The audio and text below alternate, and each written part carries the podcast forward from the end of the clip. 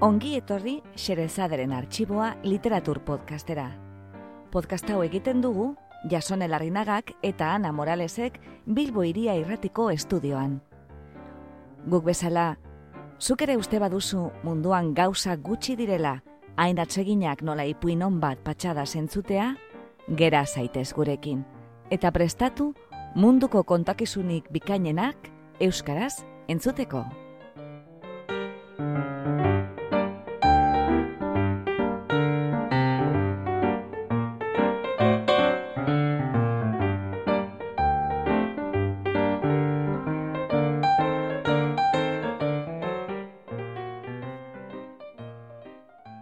Gaur, Xerezaderen arxiboan, Emperadore Eroa. Egilea, Joseba Sarren handia. Joseba Sarren handia, jurretan jaio zen mila bederatzen eta barrogeta mazortzian. Soziologia ikasten hasi zen, baina gero euskal filologian lizentziatu zen. Argian eta beste aldizkari batzuetan kolaboratu zuen, eta potx banda literarioaren sortzailetako bat izan zen. Bere obra zabalean, hainbat genero landu ditu.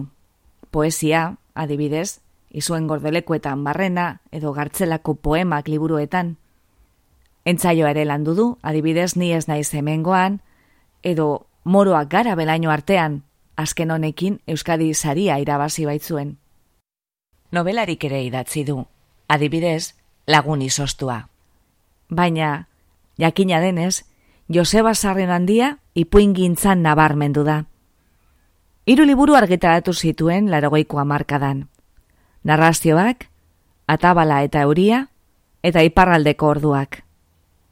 2000 eta garren urtean, elkar argitaletzeak, narrazio guztiak izeneko bilduma berri batean argitaratu zituen hiru liburu hoietako ipuin guztiak eta hoietaz gain, ordu arte liburuetan sekulan argitaratu ez ziren beste hiru.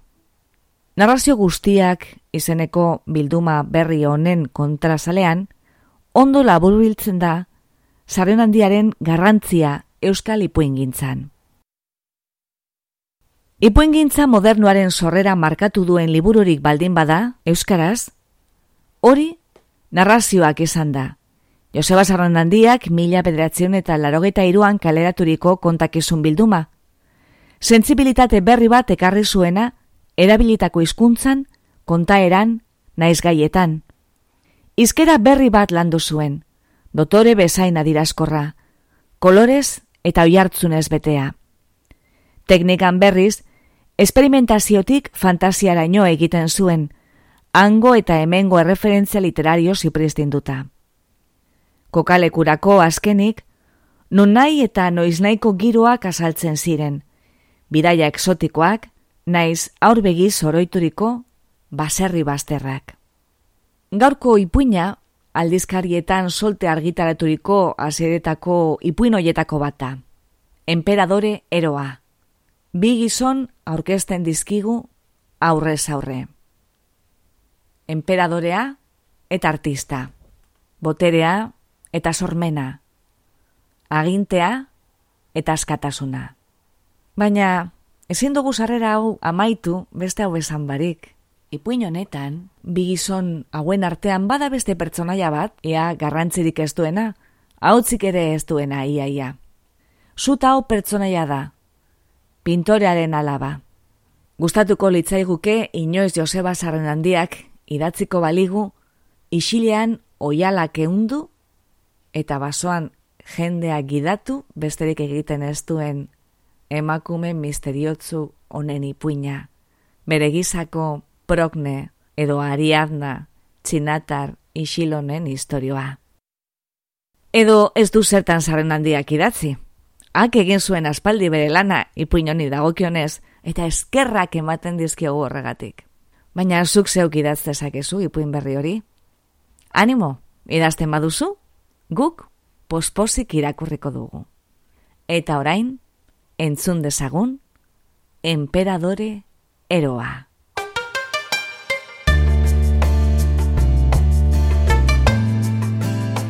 Emperadore eroa. Epigrafea. Pintatzaile batek egin baleza imagina eder bat, alde guztiz konplitua eta bantailatua?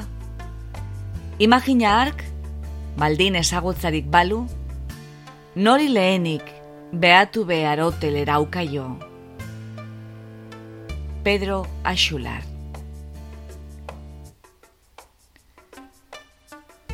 Zuaitz irudia dudala esaten didazu, bidaiaria.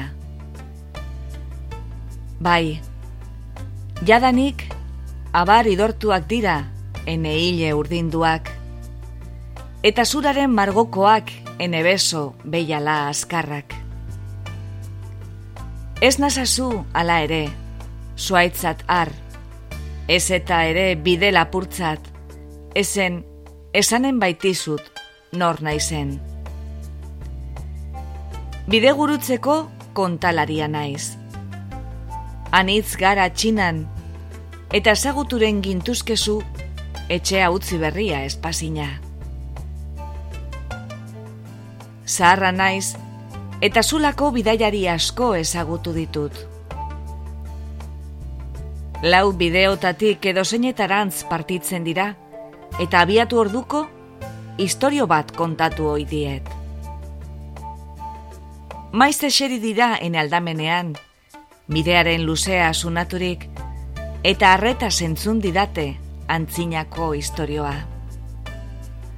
Gupida zaite zeu ere enesa hartzaroaz, agure hilkorroni, elikagai gutxi batzuk eta txampon txiki batzuk emanik, eta hartza zutrukean atxedena, belaze lehun honetan eseri, eta mendeen goizeko gertaera miresgarriak aditurik. Bada, emperadore eroaren historioa kontatuko dizut. Hung Bu emperadorearen eta Jin Fu pintatzailearen bizitza ere bai. Aditu aldituzu izenak?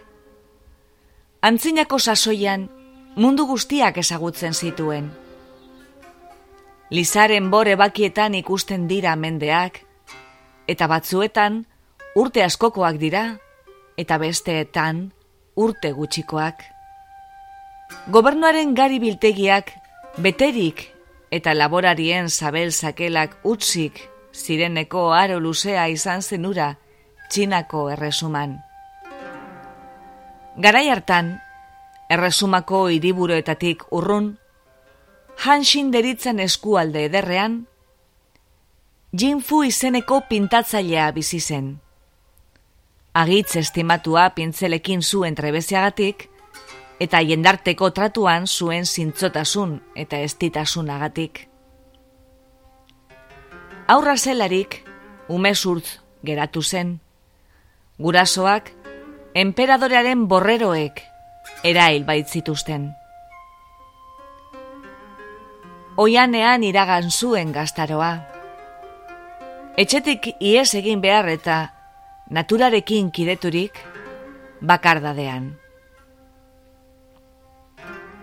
Han ikasi zuen pintatzen, hau da, natura berkreatzen, eta aldi berean, gutiziarik gabe bizitzen. Ordurako adintzua zein jingfu, hile urdina serion burutik, zimurretan tolesten zitzaion gorputzeko larrua. Hala ere, eskuak ez zituen artega, eta ikaragarria zen edozein kuadrotan lortzen zuen izadiaren antza eta bizitasuna. Ez zirudien naturak berak baino beste inok egin zezakeenik alako irudirik. Alaba lirain bat zuen, sutao, eta erekin bizi zen etxola txiki batean, alaba erditzean galdu baitzuen emaztea. Zuta oke hotzen zizkion kuadroetarako oialak. Jinfuk, pintatu eta kuadro margotuak oianean usten zituzten, izadiarekin nahasirik. Landareak, fruituak eta bereak ugariak ziren, Deus ere salerosi gabe elikatzeko bezain beste urtarorik urtaro, eta parteko beharrik gabe bizi ziren, zorionean, Baina, noiz entzun duzu, bidaiaria, zorionean hasi eta zorionean dirauen historiorik? Ez da lurraren gainean alakorik, jakintzazu. Eta baldin bada ere, ez da kontatzea merezi duena. Ba, behin batean, pintatzaile doatzuaren existentziaren albistea, emperadoraren entzumenera iritsi zen. Hung Wu emperadoreak hiru mesulari bidali zituen, kontatzen ziotena egia zen segurtatzeko. Mesulariek dena egia zela ikusi eta bermatu zutenean, emperadoreak, esan behar da udaberria zela, ezin konta ala landare hasten diren aroa, monarken bidaien garaia.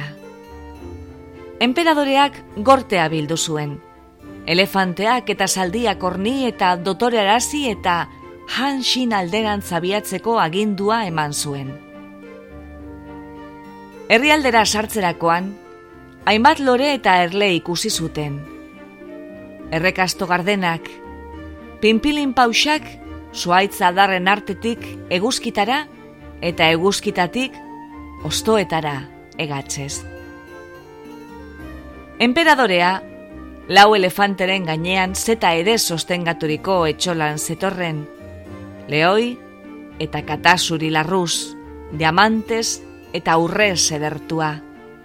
Jaun nagusi eta dontzeilak inguruan zera matzala. Emperadorearen tropelekoek, zizneak eta kurriloak esatu zituzten bidean, arkuak probatzearen. Erle abarazketako estia dastatu zuten. Arboletako gerezi ondu berriak irentzi zituzten. Beratzeko belarra, haien aitzinetik indartua eta garbia, bidea lehengo zapaltzen zela ematen zuena, ondaturik geratzen zen segitaldea iragandakoan. Handikien hilarak, ondakinak, loia eta kreatura hilak besterik ez zituen usten lorratzean. Goiza zen emperadorea pintatzailaren etxolara heldu zenean. Zutao bakarrik zegoen, miizea eotzen. Neskak, arrotzen arrandeagatik doi bat ikaratua, aita basoan zegoela esan zion emperadoreari. Pintatzen ari zela, oi bezala gidatuko zuela nahi bazuen aita ganaino. Tropeleko jende eta samari gehienak eskualdeko jauregi imperialean utzirik, emperadorea oianean barrena sartu zen, zutau gidari harturik. Jingfu pintatzen aurkitu zuten. Egun sentiaz gerostik espaitzuen besterik egin. Eldu eta kuadroaren antzinean plantatu zen jungu. Ia kuadroa non zegoen galdezka. Pinturako liliak, benetakoak bezain zinezkoak ziren. Urmael margotua ere gardena zen. Gorrigune bat antzematen zen. Igerian ari zen arraingorria izan zitekeena. Txorien koloretako lumak, naiz zuaitzen itzala goroldioan, natura bera zegoen kuadroaren barruan, kanpoan bezala. Arriturik, emperadorea oialera hurbildu zen, eta bekaine ezia ukitzen zuela bea egon ondoren, eskua sartu eta pinturako arrosa bat ebaki zuen.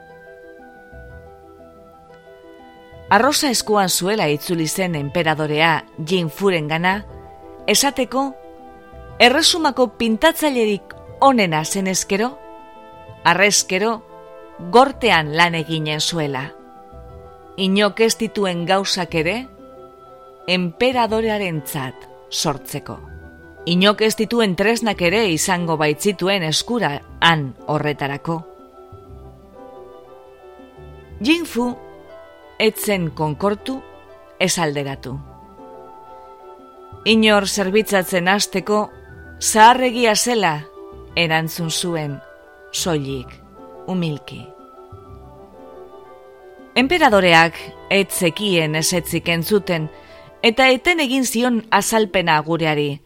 Biaramunean, jauregian zain egongo zela aginduz. Dagoeneko, eguzkia eskutatzen ari da, bidaiaria. Egunero bezala egiten dute borroka, egunak eta gauak. Ba, ez aldira eguna eta gaua bezain desberdinak, bestelakoak eta aurkakoak, jungu eta jinfu. Jinfu eta zutao, ez ziren biaramunean emperadorearen kanpamentu jauregietara inguratu. Emperadoreak, mesulariak bidali zituen pintatzailaren gana, baina esku utzik itzuli ziren estigairik gabe itzultzen diren erleen antzera. Arrosa mostua laster zimeldu zen emperadorearen logelako lore ontzian. Orduan esan omen zuen emperadoreak, lastima zela aura dena egia izan beharreza. Eta jungu bera abiatu zen, lau elefanteen tronua jauregian utzirik, saldi korasatuaren gainean eta guardia armatuekin. Pintatzailaren etxolan, alaba bakarrik topatu zuen berriro. Alabak gidatu zituen, isilki, oianean barrena, etxolatik aita ganaino. Pintatzailea, Bezperetako kuadro berbera ari zen zehazten eta doitzen. Arrosa ebakiaren zurtoina bilatu zuen emperadoreak.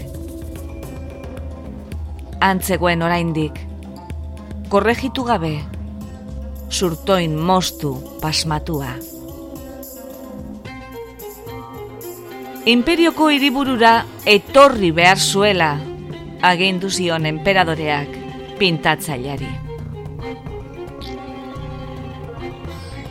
Honek, ez ez, erantzun zuen apalki. Urtetzu egia zela, inorenean konbidaturik bizitzeko. Traba baizik etzela izango, jauregiko eskailera eta sala pasilloetan. Emperadoreak berriz ekin zion eskaerari, edo zer emango ziola esanez. Pintatzaileak, Emperadoreak eman zitzakenetatik, bakea. Bakea ematea, besterik ez zuela eskatzeko, erantzun zuen. Jungu, aserretu egin zen. Lurretik harriko eskor bat hartu eta kuadaren kontra jaurti zuen. Oiala jo, eta utzi beharrean, harria kuadroren erdialdeko urmaeleko uretara jauzi zen. Uin borobil franko sortuz, munduko edo zein urputzutara zerbait erortzean ikusten diren bezalakoak. Eroritakoaren inguruan zabalduz eta zabaldua ala baretuz doazenak. Emperadoreak aurreko sangoak altxarazi zizkion zaldiari, agur pintatzailea itaren alaba ia azpian hartzeko moduan. Jauregira itzuli orduko, soldaduei kuadroa hartzeko agindua eman zien.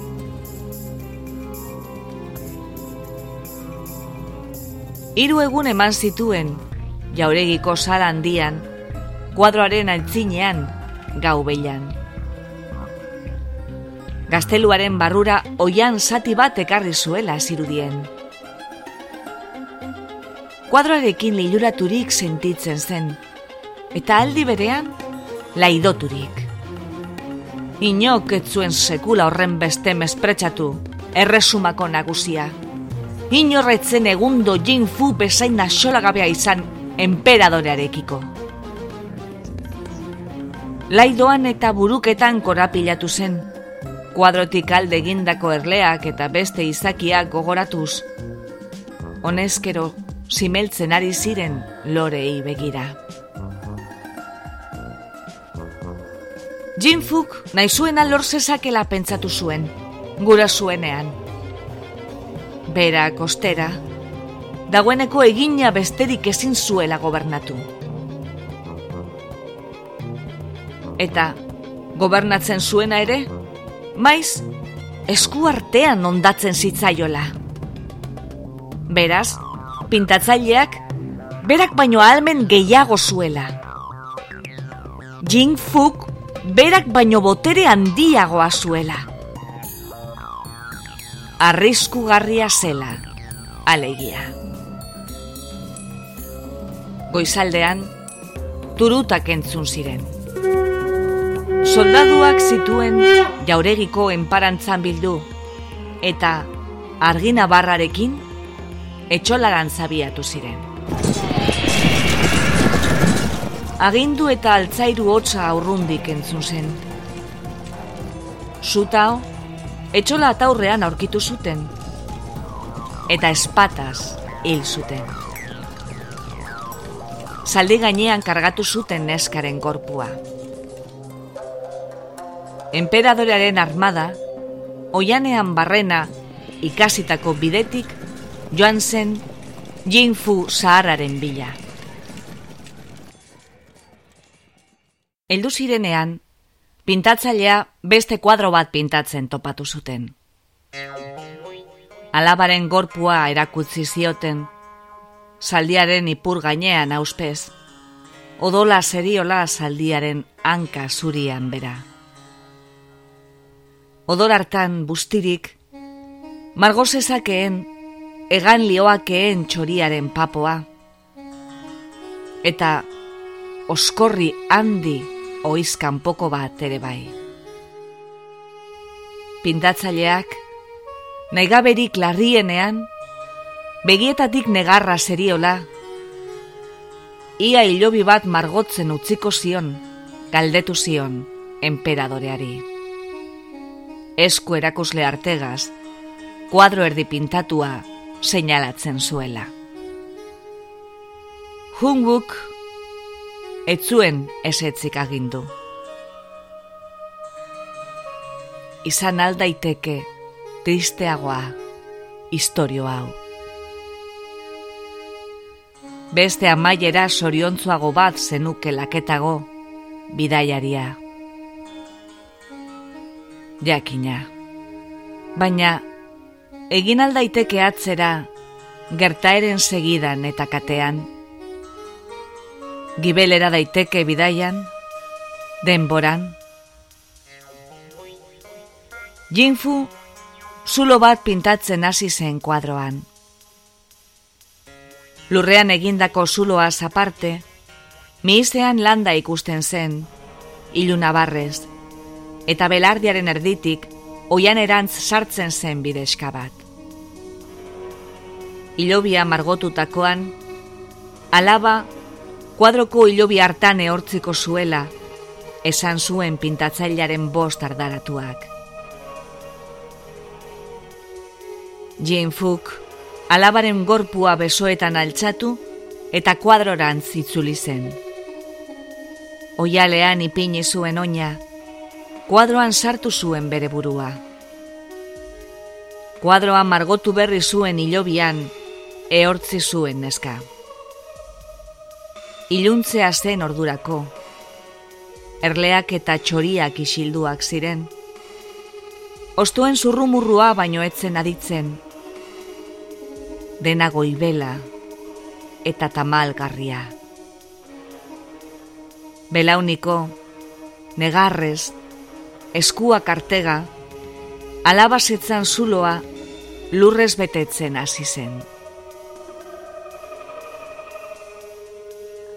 Luzaroan egon zen ilobiaren egalean belauniko, dardaraka. Gero, zutitu eta oianera sartzen zen bidezka hartu zuen. Astiro urrundu eta desagertu zen zuaitzen artean. Emperadorea, botere ariketa batean, arrokeriak itxuturik, ia ezaguerarik gabe zegoen. Emperadorearen kontzeilari eta soldaduak lekuko mutuak izan ziren. Goian, ilargia, otzoen eguzkia, argitzen zen artean.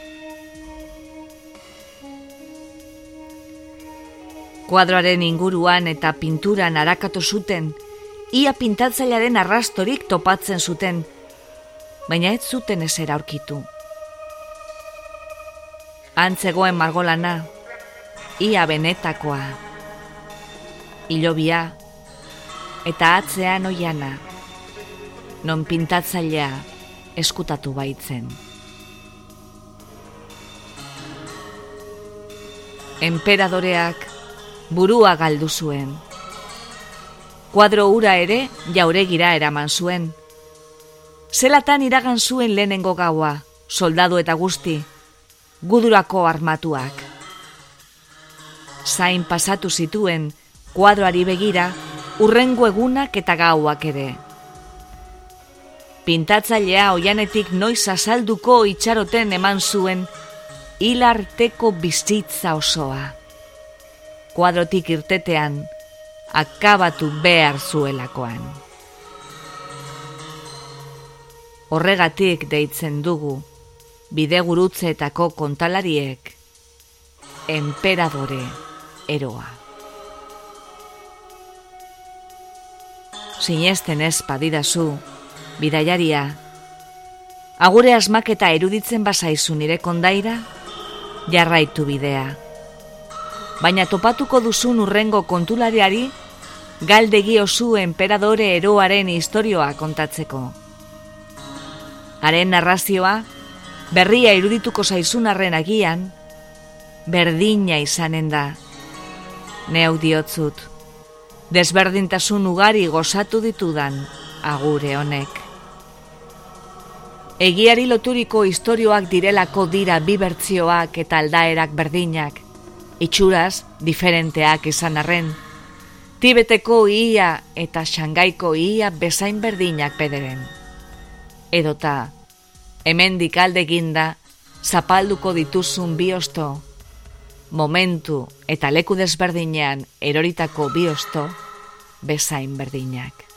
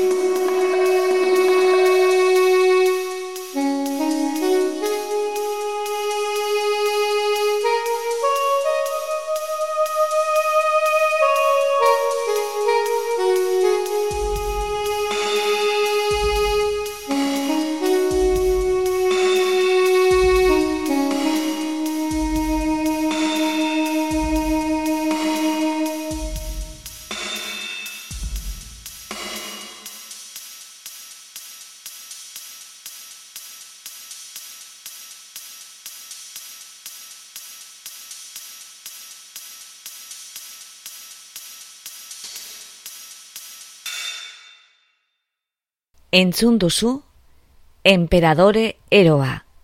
Egilea, Joseba Sarreon handia.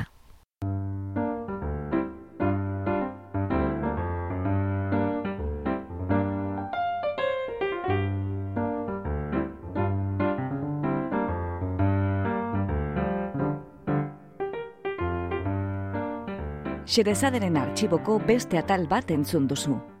Gure doinoa da, Charleston Behind the Attic Door, Dance of the Wind taldearena.